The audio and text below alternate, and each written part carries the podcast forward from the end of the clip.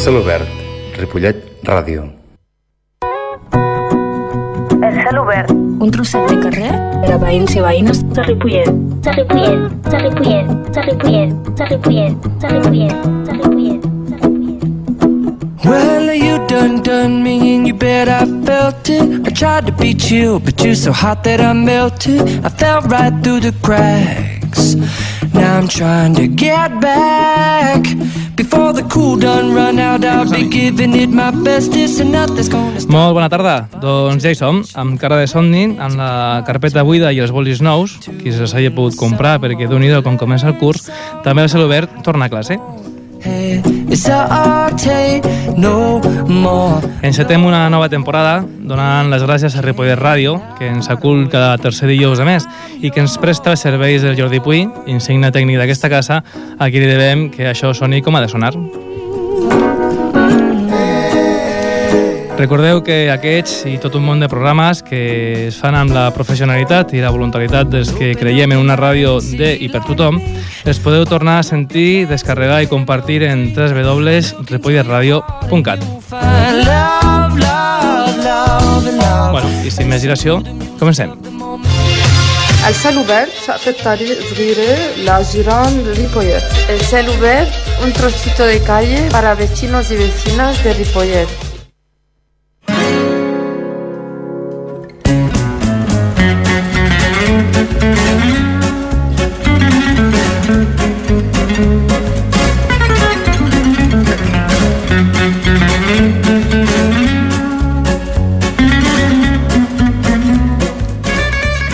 Fa uns dies, Silvia López Gil, del moviment Vidas Precàries, escrivia al diari Diagonal un article titulat Políticas del cuerpo, la radicalidad de la diversidad funcional y, entre otras cosas, deia En el cuerpo se condensa el poder contemporáneo, asignado- asignando espacios socialmente diferenciados.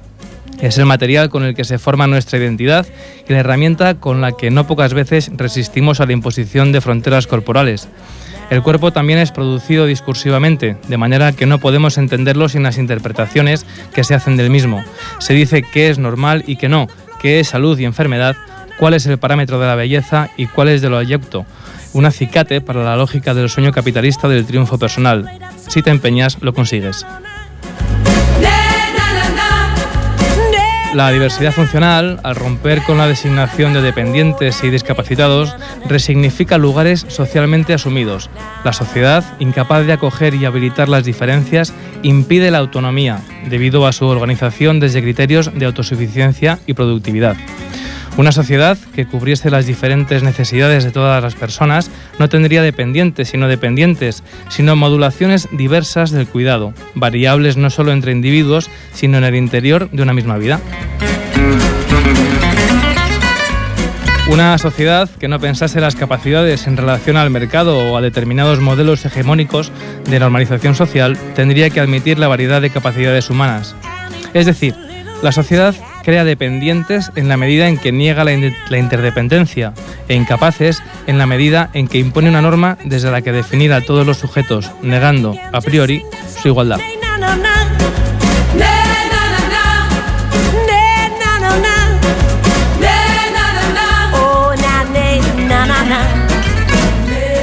I d'interdependència, de diversitat i d'accessibilitat i de moltes altres coses eh, és del que volem parlar avui. I com ho farem? Doncs, com no pot ser d'una altra, manera, amb uns convidats i convidades eh, excepcionals, que és el que aconseguim en aquest programa. Uh, començo per la meva dreta i us vaig presentant en primer lloc a la Meritxell Aymeric. Hola, bona tarda, Meritxell Hola, bona tarda. Que és bueno, coneguda d'aquesta casa i ve en condició d'experta en accessibilitat tecnològica. És així?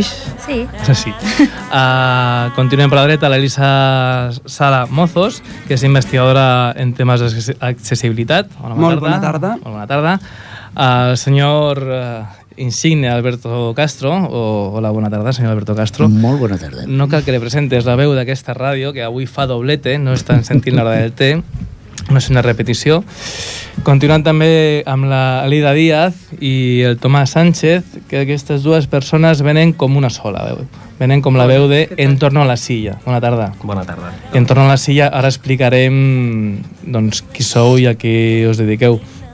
A mi, eh, si us sembla adequat, eh, m'agradaria començar per aclarir el concepte, perquè preparant una mica el, el programa, eh, doncs, eh, llegint articles i tal, diem, bueno, vam parlar d'accessibilitat i de diversitat funcional, eh, de, de, de discapacitat, de, de què estem parlant realment? Quan, com definim a, a, a les persones que tenen una diferència en el seu funcionament i que tanta cua està portant. No? Estava mirant a la web de Foro de Vida Independiente, no? que diu, en principi són els que van crear en el 2005 aquest concepte de diversitat funcional. És un concepte en el que ens podem sentir còmodes per parlar?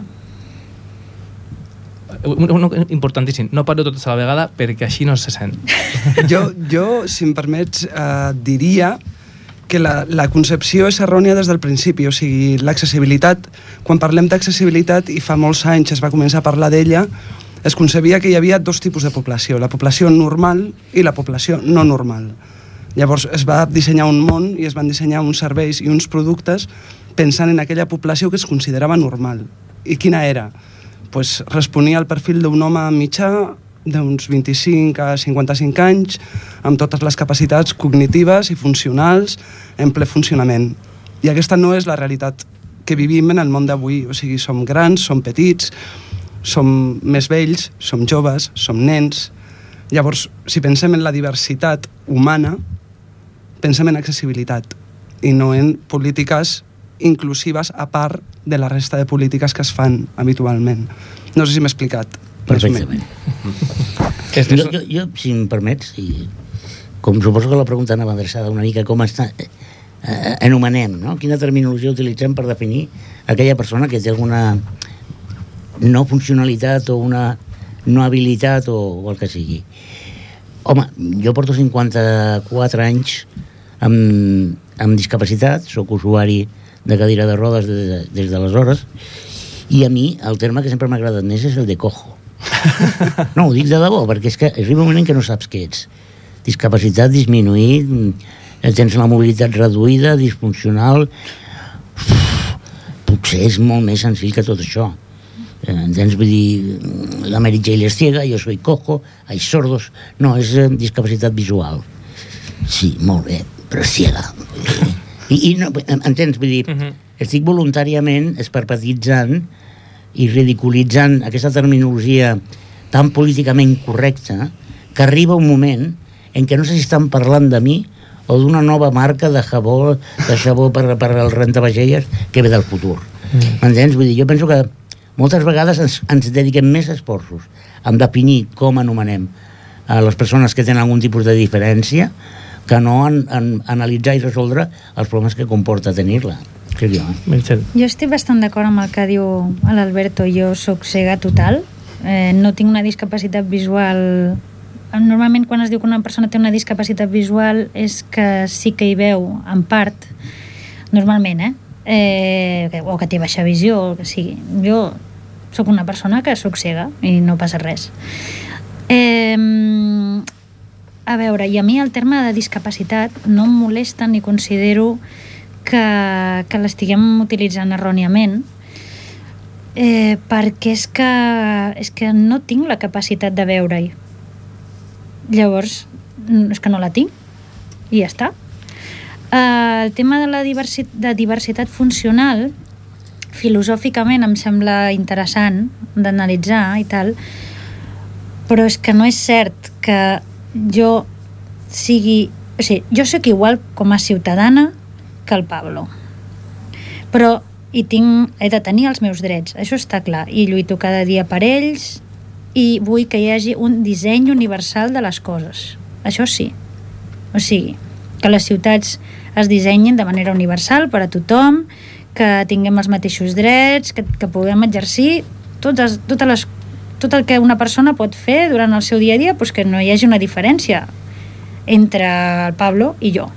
Ell hi veu i jo no. Vale.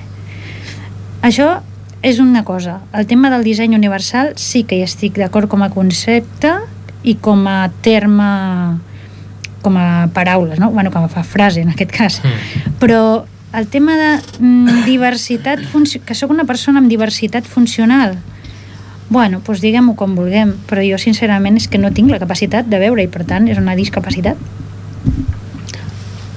¿Voleu afegir alguna cosa? Bueno, yo tenía una... En realidad tampoco es... eh, simplemente un comentario. Perdona, que estaba a punto de toser. Eh, antes, tosido. Antes, sí, antes preguntabas eh, si había algún... ¿Cómo llamar a esas personas que tienen... Bueno, pues yo creo que el- el- la, la manera mejor de llamarlas es personas. ¿Y por qué digo esto? Eh, digo esto porque normalmente mm, han existido toda una serie de mecanismos eh, que han segregado poblaciones y, en ese proceso de segregación, de identificación de sus diferencias, han producido a su vez eh, que mucha de esa gente no pudiera entrar en, digamos, en, en el reconocimiento de lo que los compañeros comentaban ahora, que serían sus derechos como ciudadanos o ciudadanas. El término minusvalía y posteriormente el término discapacidad o personas con discapacidad han sido términos que se han utilizado mucho en el acervo estadístico para la construcción de eh, subsidios, eh, toda una serie de, digamos, de medidas del aparataje estatal o de la administración pública a partir del cual se han eh, dado servicios especiales para una serie de poblaciones. Cuando desde algunos lugares, movimientos o colectivos se habla de la diversidad funcional, no es tanto que se quiera meter una, o se quiera introducir una palabreja nueva que lo confunde todo, que es lo que siempre todo el mundo comenta, ¿no? Que por qué esta gana de querer hablar con un palabrejo cuando le podemos llamar a la cosa como se ha llamado toda la vida de Dios y no hace ninguna falta llamarlo así. Bueno, pues porque creo que normalmente se suele eh, identificar lo que sería el final de una locución un poco más grande. Se suele hablar de las personas discriminadas por su di- diversidad funcional. Porque diversidad funcional eh, tenemos todas y todos. Todas y todos somos personas diversas funcionales o diversamente funcionales. La cuestión es que ha habido alguna serie de estas personas, precisamente por toda una serie de formatos de etiquetaje y de, y de, y de digamos, de, mm, eh, de, digamos, para, para establecer las categorías a partir de las cuales debía haber prestaciones públicas, se han producido discriminaciones sobre alguna serie de grupos a partir de todas esas otras denominaciones. De ahí surge también la idea de un palabrejo tan, tan raro. Hay, hay, hi ha dos personatges molt interessants, que és el Pablo Echenique Roba i Raúl Gai, que escriben al, al diari.es una columna que es diu de retrones y hombres y él diuen, fan servir la palabra retrones y diuen que es que no nos gusta la palabra discapacitado, preferimos retrón, que recuerda a retarded en inglés, o a retroceder. La elegimos para hacer énfasis en que no nos importa más que nos, que nos importa más que nos den lo que nos deben que el nombre con el que nos llamen. Sí, sí, sí. sí. Yo, yo es que pienso que tenemos que invertir la pirámide. Es decir, ¿cómo llegamos al debate de hoy? A través de un proceso histórico donde el animal que nace con alguna tara, si muere mejor, si sobrevive, marca una diferencia, ¿no? Entonces la tribu lo arropa y lo acompaña en el día a día y le da de comer y, y le sustituye sus labores o bien de mantenimiento de la cueva y el fuego o de cazar, ¿no? Entonces, cuando esa persona crece en una sociedad más, digámoslo así, compleja, ¿quiénes nos ponen terminología? Nos ponen terminología los médicos, en primer lugar, que tienen que diagnosticar una determinada enfermedad o secuela de una enfermedad, ¿no? Entonces, aquí hay palabra- palabras infumables. Bien, entonces, mm, en función de cómo eh, nos movemos por la sociedad, la historia nos va llamando de, de diferentes- de diferentes maneras. En la Edad Media y en el siglo XVII y XVIII, tullido, loco, eh, los locos eran personas diferentes, no todos tenían enfermedades mentales. ¿no? Entonces, bueno, eh, en torno, en forma de broma y, y no broma, yo creo que una de las grandes aportaciones que hace la dictadura al mundo de la discapacidad es que define correctamente cómo veían a las personas distintas, que eran inválidas. Yo pienso que eso define correctamente cómo la sociedad afronta una dificultad, ¿no? Una diferencia. Bueno, llega un momento en que la democracia evoluciona y entonces ya no somos inválidos, somos minusválidos, ¿no?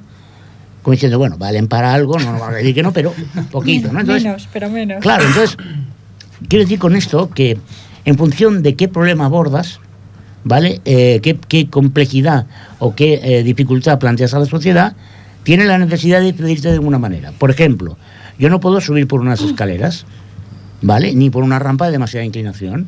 Por lo tanto, tengo la movilidad reducida. Desde un punto arquitectónico, esa definición es correcta. Pero aquí, que yo tener movilidad reducida, que no implica nada.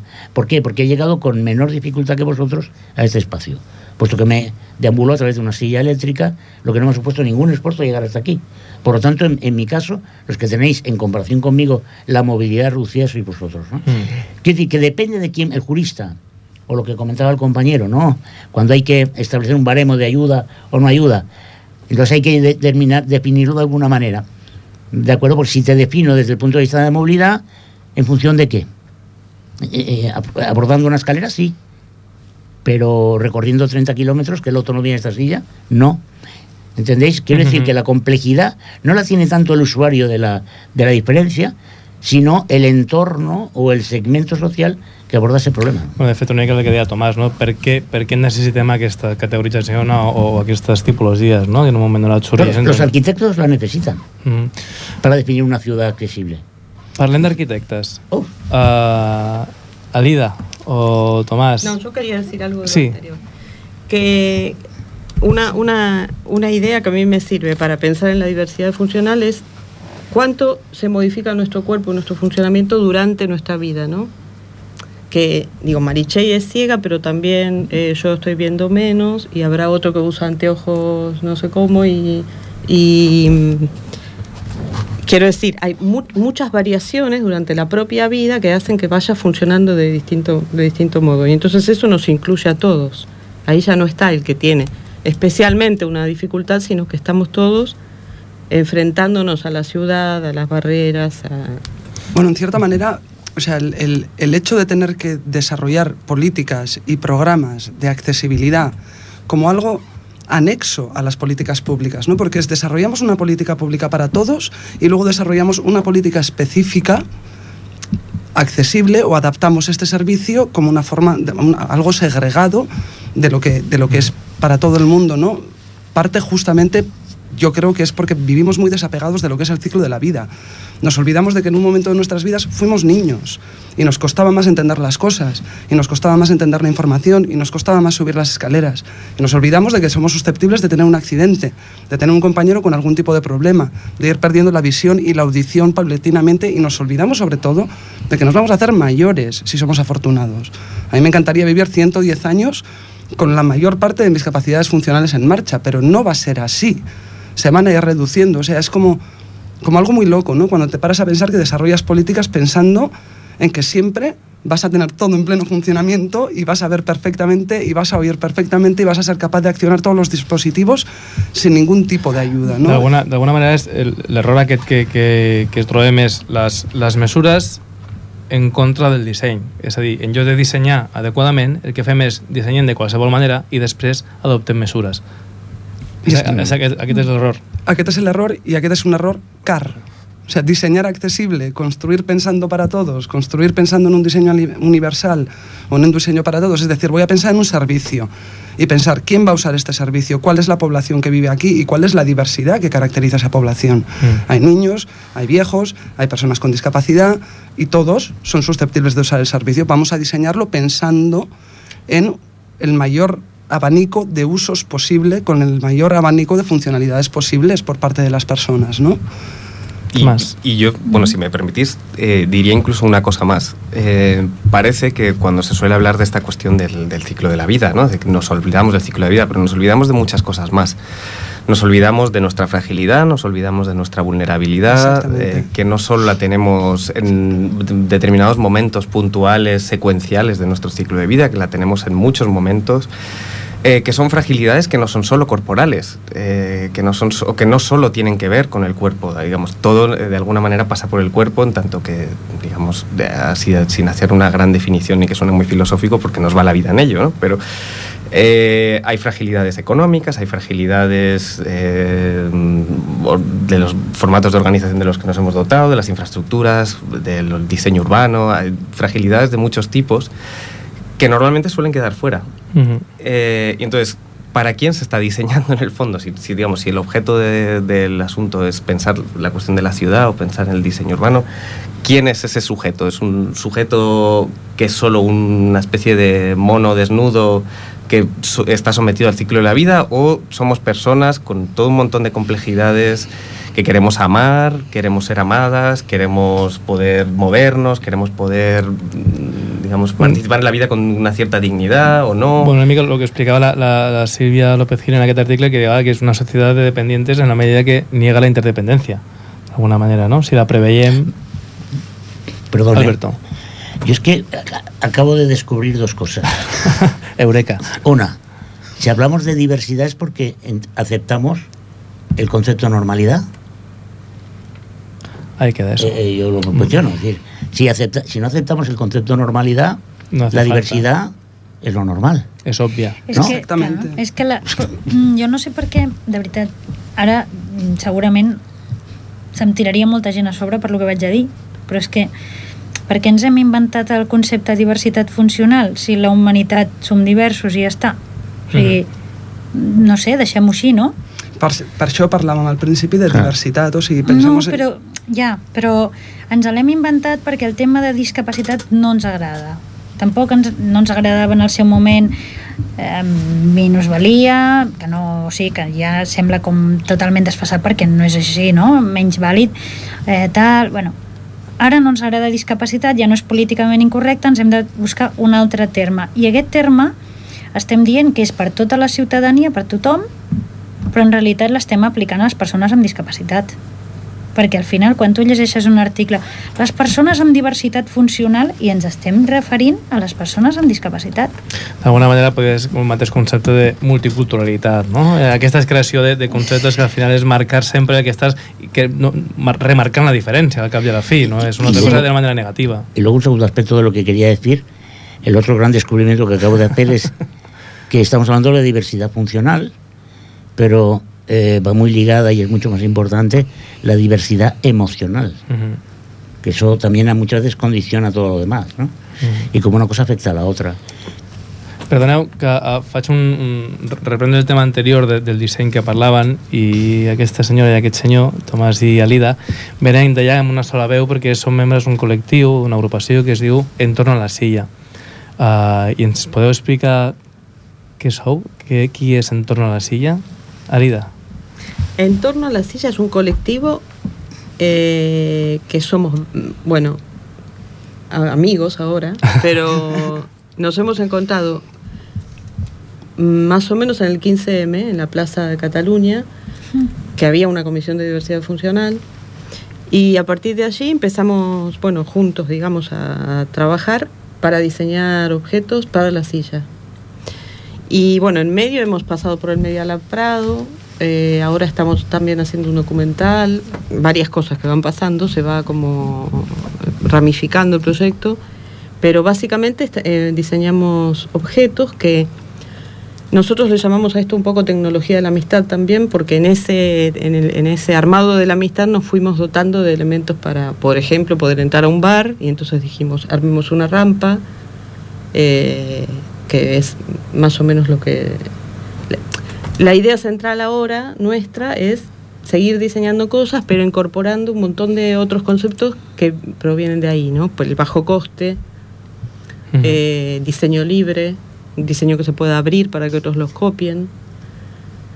¿Qué, qué otras cosas? Muchas cosas más. Tomás. Bueno, sí, o sea, yo creo que lo, lo has expresado muy bien. Básicamente lo que, lo que estamos intentando es eh, explorar un poco la, como diferentes, diferentes grupos de prácticas que, que correspondían a diferentes comunidades y estamos intentando eh, agruparlas en, en nues- en lo que, en lo que estamos haciendo nosotros ahora mismo. Es decir, estamos desde pensando en un, como decía ahora muy bien Alida, desde un diseño libre, es decir, un diseño que pueda ser eh, reapro- reapropiado, remezclado, transformado y mejorado, compartido, que no sea limitado por por, eh, digamos, patentes o por leyes de propiedad intelectual, sino que estamos pensando en diseños que puedan ser mejorados eh, por, mm, comunitariamente, digamos, por un lado, que tiene esta versión como de el pensar el diseño eh,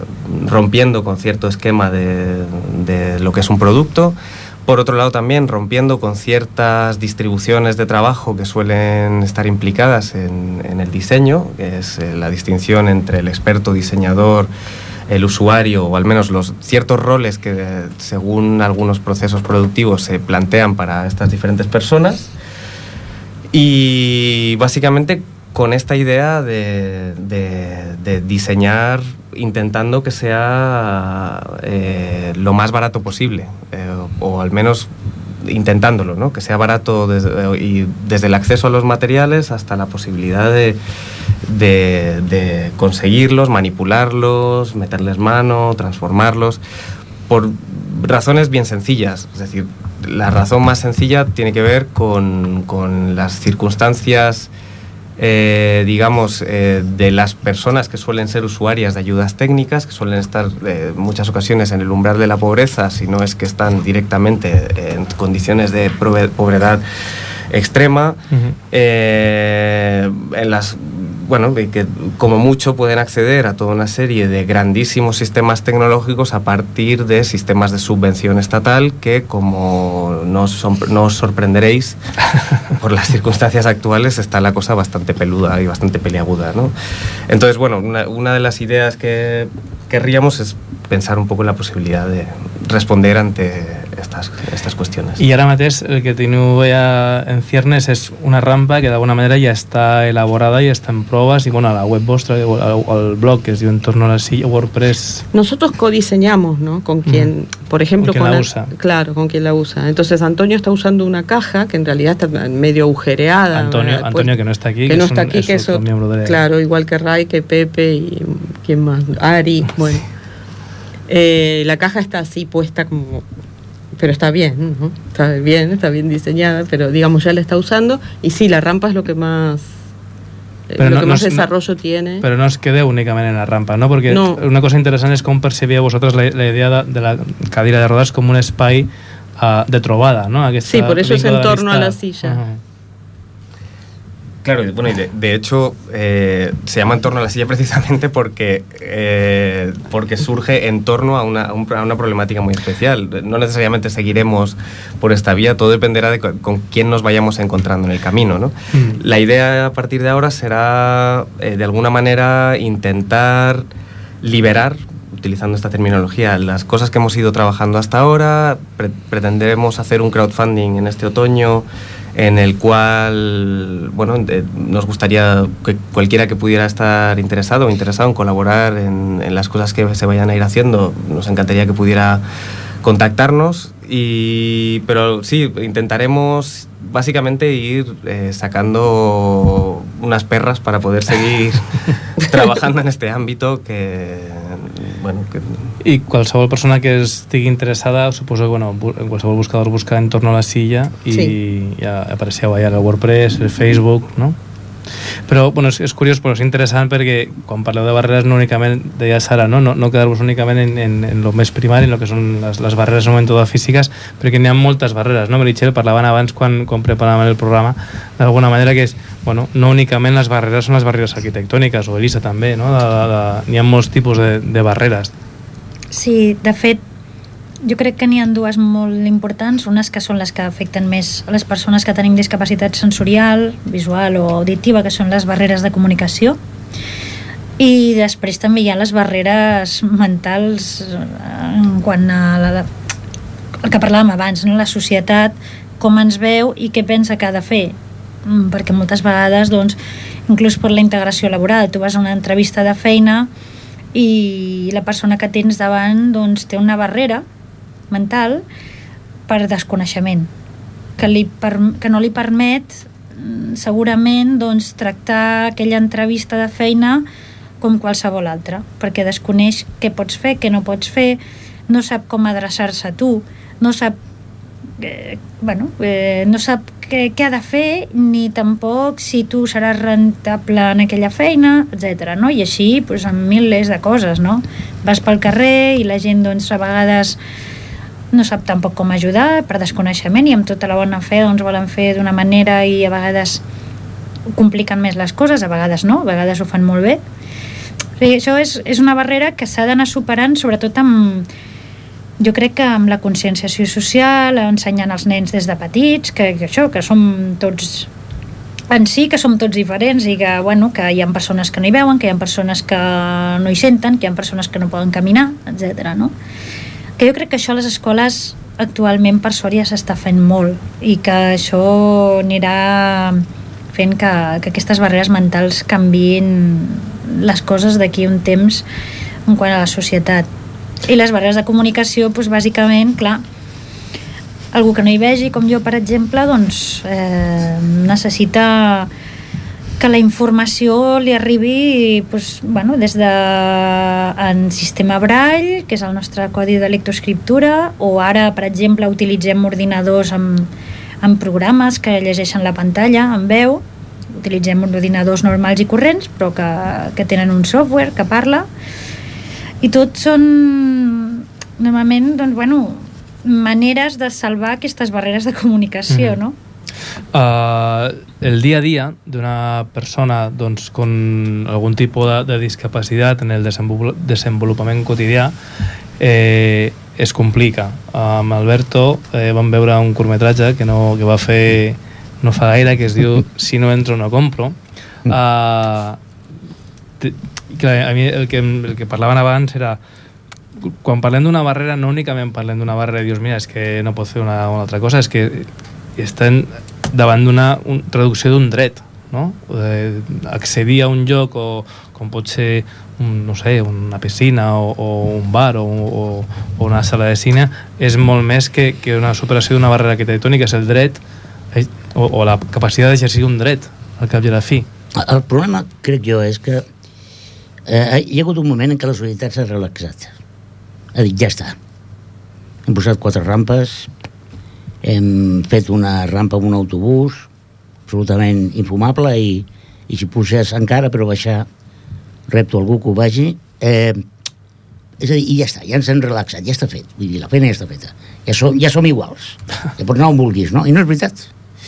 I no és veritat. I encara ho serà menys. Encara ho serà menys. I aprofito, si m'ho permets, no, per dir Sisplau. i per reivindicar alerta. Hi ha 6 milions de parats, això és veritat. I és un problema gravíssim. I la crisi econòmica és un problema gravíssim, màxima prioritat. Per tots i per totes. Però no oblidem, si plau, que hi ha un col·lectiu molt nombrós que encara pateix molt més, tant l'atur com la crisi, etc. No? I aquest col·lectiu li ve de la petita quantitat que li retallen. Si jo no puc renovar el meu material, la meva ajuda tècnica, perquè tothom entengui, si no puc canviar-me la cadira, Mhm. no podré sortir al carrer. Per tant, alerta, retallem. Molt bé, retallem, perquè hem de retallar, o no.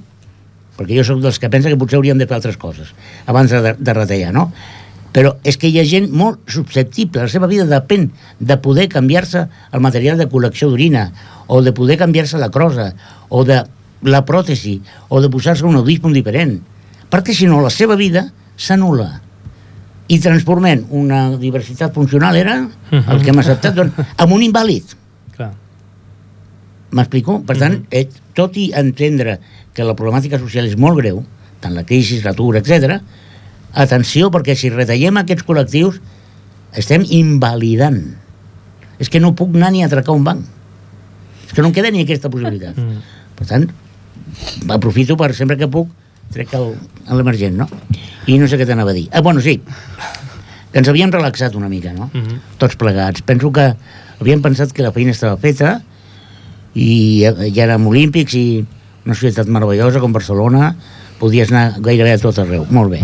Però no és veritat. No és veritat. Perquè aquí la companya sap més que jo d'això. Hi ha molta normativa, molta llei, però no la complim i no quin, passa res. Quin és el marc legal? Quin és, o sigui, vull dir, qui, qui té la competència de que, per exemple, per entrar en aquesta ràdio hi ha una rampa, hi ha un ascensor, o per creuar un carrer hi ha una vorera que es baixa, un, un, un, telèf- un semàfor que fa un pitido... Bueno, en, quan, entrem, quan entrem en normativa d'accessibilitat i entrem en temes de competències relacionades amb l'accessibilitat, en, entrem en un terreny lleig, farragós i molt complicat. O sigui, si fem un repàs, la primera, bueno, la primera vegada que es va començar a parlar d'accessibilitat en alguna normativa va ser la LISMI, que apuntava quatre coses i era una llei estatal.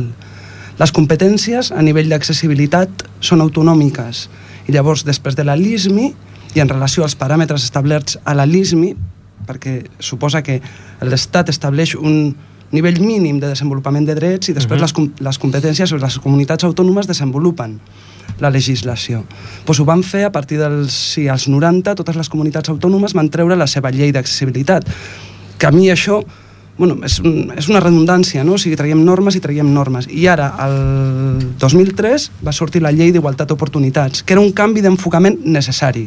Ho era, era un canvi necessari, entrem en conflictes competencials un altre cop per començ, perquè comencem a regular un altre cop l'accessibilitat a l'urbanisme, un altre cop l'accessibilitat a l'edificació, un altre cop tot. Pero a mientras, través están las, ca- la casa sin montar. Sí, el que dic yo es, o sigui, si en este país se cumpliera toda la normativa que tenemos, viviríamos en el país de Alicia, en el país de las maravillas. O sea, sería maravilloso.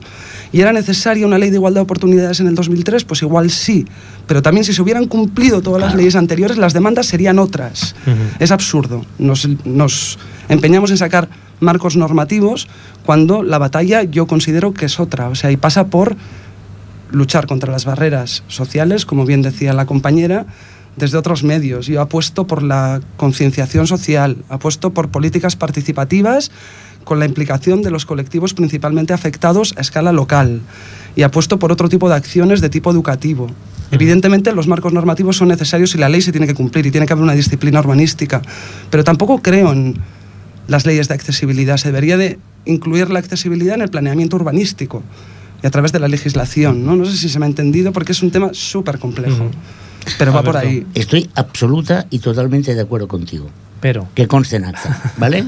O sea, no, lo que voy a decir a continuación no es porque crea que hay que añadir algo o porque no esté de acuerdo en el planteamiento que ella hace, que me parece el, el correcto y, el- y extraordinario. Sí, es verdad que voy a coger del, con- fuera de contexto una, una frase que ha comentado también la compañera Marigel de concienciación social. Os habla un excombatiente de la lucha armada eh, de la causa del discapacitado, minusválido, inválido, llámame como quieras. Yo estoy harto de la concienciación social. No, señor. Patada a la puerta. Pero ¿qué concienciación social ni qué narices? ¿Qué, qué es la concienciación social? Hola, señora, mire, soy discapacitado. Bueno, tengo diversidad funcional. Me- la he concienciado de que cuando usted eh, monte una frutería, eh, no hay una para que yo le pueda comprar patatas o manzanas. Y esa conciencia, vale, ahora me voy a otro. Hola, mire, que vengo a concienciarle. No, señor. ¿Pero qué concienciación social ni qué narices? Cumplimiento de la ley y patada en la puerta. Y accesibilidad por decreto ley. ¿Y eso quién lo tiene que reivindicar? Nosotros, los usuarios. Meritxell. Y los cuando me refiero a nosotros y a usuarios, incluyo a todas aquellas personas, como los compañeros y compañeras, que nos están echando una mano y que están suponiendo un, reve- un relevo. Pero lo de la concienciación social, y repito, y no es por contradecir lo que tú apuntabas, ¿no? Sino porque a mí a veces, y acabo ya, me molesta, claro, concienciación social. Repito, lo he sacado del contexto de lo que tú planteabas y lo que planteaba Mary Jane. Trabajo educativo en las escuelas, todo eso es fundamental. Y entiendo y comparto eh, en, en- en qué contexto lo mencionabais vosotras. Pero llega un momento en que tenemos que tener claro que solamente cambiaremos la sociedad si alguien da una patada a la puerta. Si tengo que esperar que los gobernantes, tanto de Madrid como Cataluña, vengan a ponerme mi rampa y a tratarme como uno más y pensar, cuando hagan la urbanización de una nueva zona, que van a contemplar todas las realidades, ya puedo esperar sentado. Antes te montan Eurovegas. ¿Me explico? Eh, claro. Por tanto, patada en la puerta. Meritxell. Jo crec que és una barreja de les dues coses, que s'ha de fer conscienciació social, que a més cada dia nosaltres, els que tenim una discapacitat, mm, crec que la fem, en realitat quan sortim al carrer, només sortir al carrer ja la fem, perquè perquè sí, perquè o sigui, quan tu portes una vida mínimament integrada eh, en la societat, doncs eh, lògicament la gent, a veure, a dia d'avui la gent ja no es planteja que una persona cega pugui anar pel carrer sola. perquè, bueno, es planteja, hosti, com ho deu fer? Deu ser molt difícil, jo si no hi veiés, ara així de cop, a vegades tanquen els ulls i comencen a imaginar-se unes coses, i dius, no, home, no, que això té un aprenentatge, no, és que no, no és així, però no es plantegen que sigui impossible, perquè ens veuen. I això, a poc a poc va canviant les coses, no? Ara, jo estic en una entitat que estem tot el dia reivindicant un munt de coses i tal, i faig aquesta part de reivindicació. Però per una altra banda treballo com a consultora en accessibilitat web. I us dic que hi ha una sèrie de normativa, lleis, com deia la Lisa, que s'haurien de complir en temes d'accessibilitat web, que és un tema una mica tècnic, complex, per qui no pateix les barreres d'accessibilitat web, però és que jo les pateixo. Mira, hi ha una pàgina que és que no tinc cap mena de vergonya en dir perquè tenen denúncies d'usuaris, denúncies, eh? denúncies legals Eh, I, bueno, tenen de tot, que és la de Renfe, ¿vale? Ah, la la, web de Renfe... Sí, sí, sí. Però és que, és que comprar un bitllet a la web de Renfe, no estic exagerant, cada, cada vegada que modifiquen aquella web és més impossible per a una persona cega. A dia d'avui et tornes boig. El meu lector de pantalla, el meu programa lector de pantalla, aquella web, jo crec que la té vetada ja. és allò, no, per favor, prou. Sácame d'aquí. I, I hem fet denúncies com a usuaris, hem fet denúncies com a entitat. Eh, les lleis ens emparen. Ens, els hi haurien de posar una multa de no sé quants milers d'euros i milions d'euros i no sé què. Hi ha una llei de sanciones i tal. Bueno, hi ha de tot, de normativa, des del 2007 d'aquest tema i no s'acompleix i les sancions no... O sigui, les empreses públiques, eh, les institucions públiques i les empreses que rebin diners públics a Espanya han de tenir la web accessible. I això no ho compleix ningú.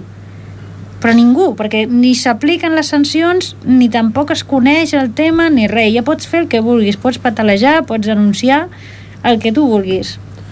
Tomás, Bueno, yo simplemente quería como añadir un poco, eh, encabalgarme en cosas que acabáis, acabáis de comentar ahora. Eh, eh, por un lado, me parece muy interesante de lo que comentaba la compañera Merichel sobre la cuestión de Renfe.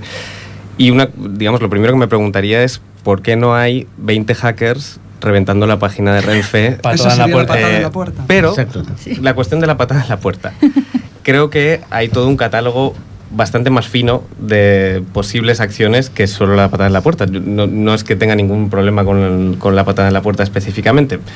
Creo que se podrían hacer intervenciones de muy, muy diferentes tipos y que una de las cosas más interesantes es que no necesariamente tenemos por qué esperar a que sean las instituciones las que nos den el visto bueno para que hagamos esas cosas. propon.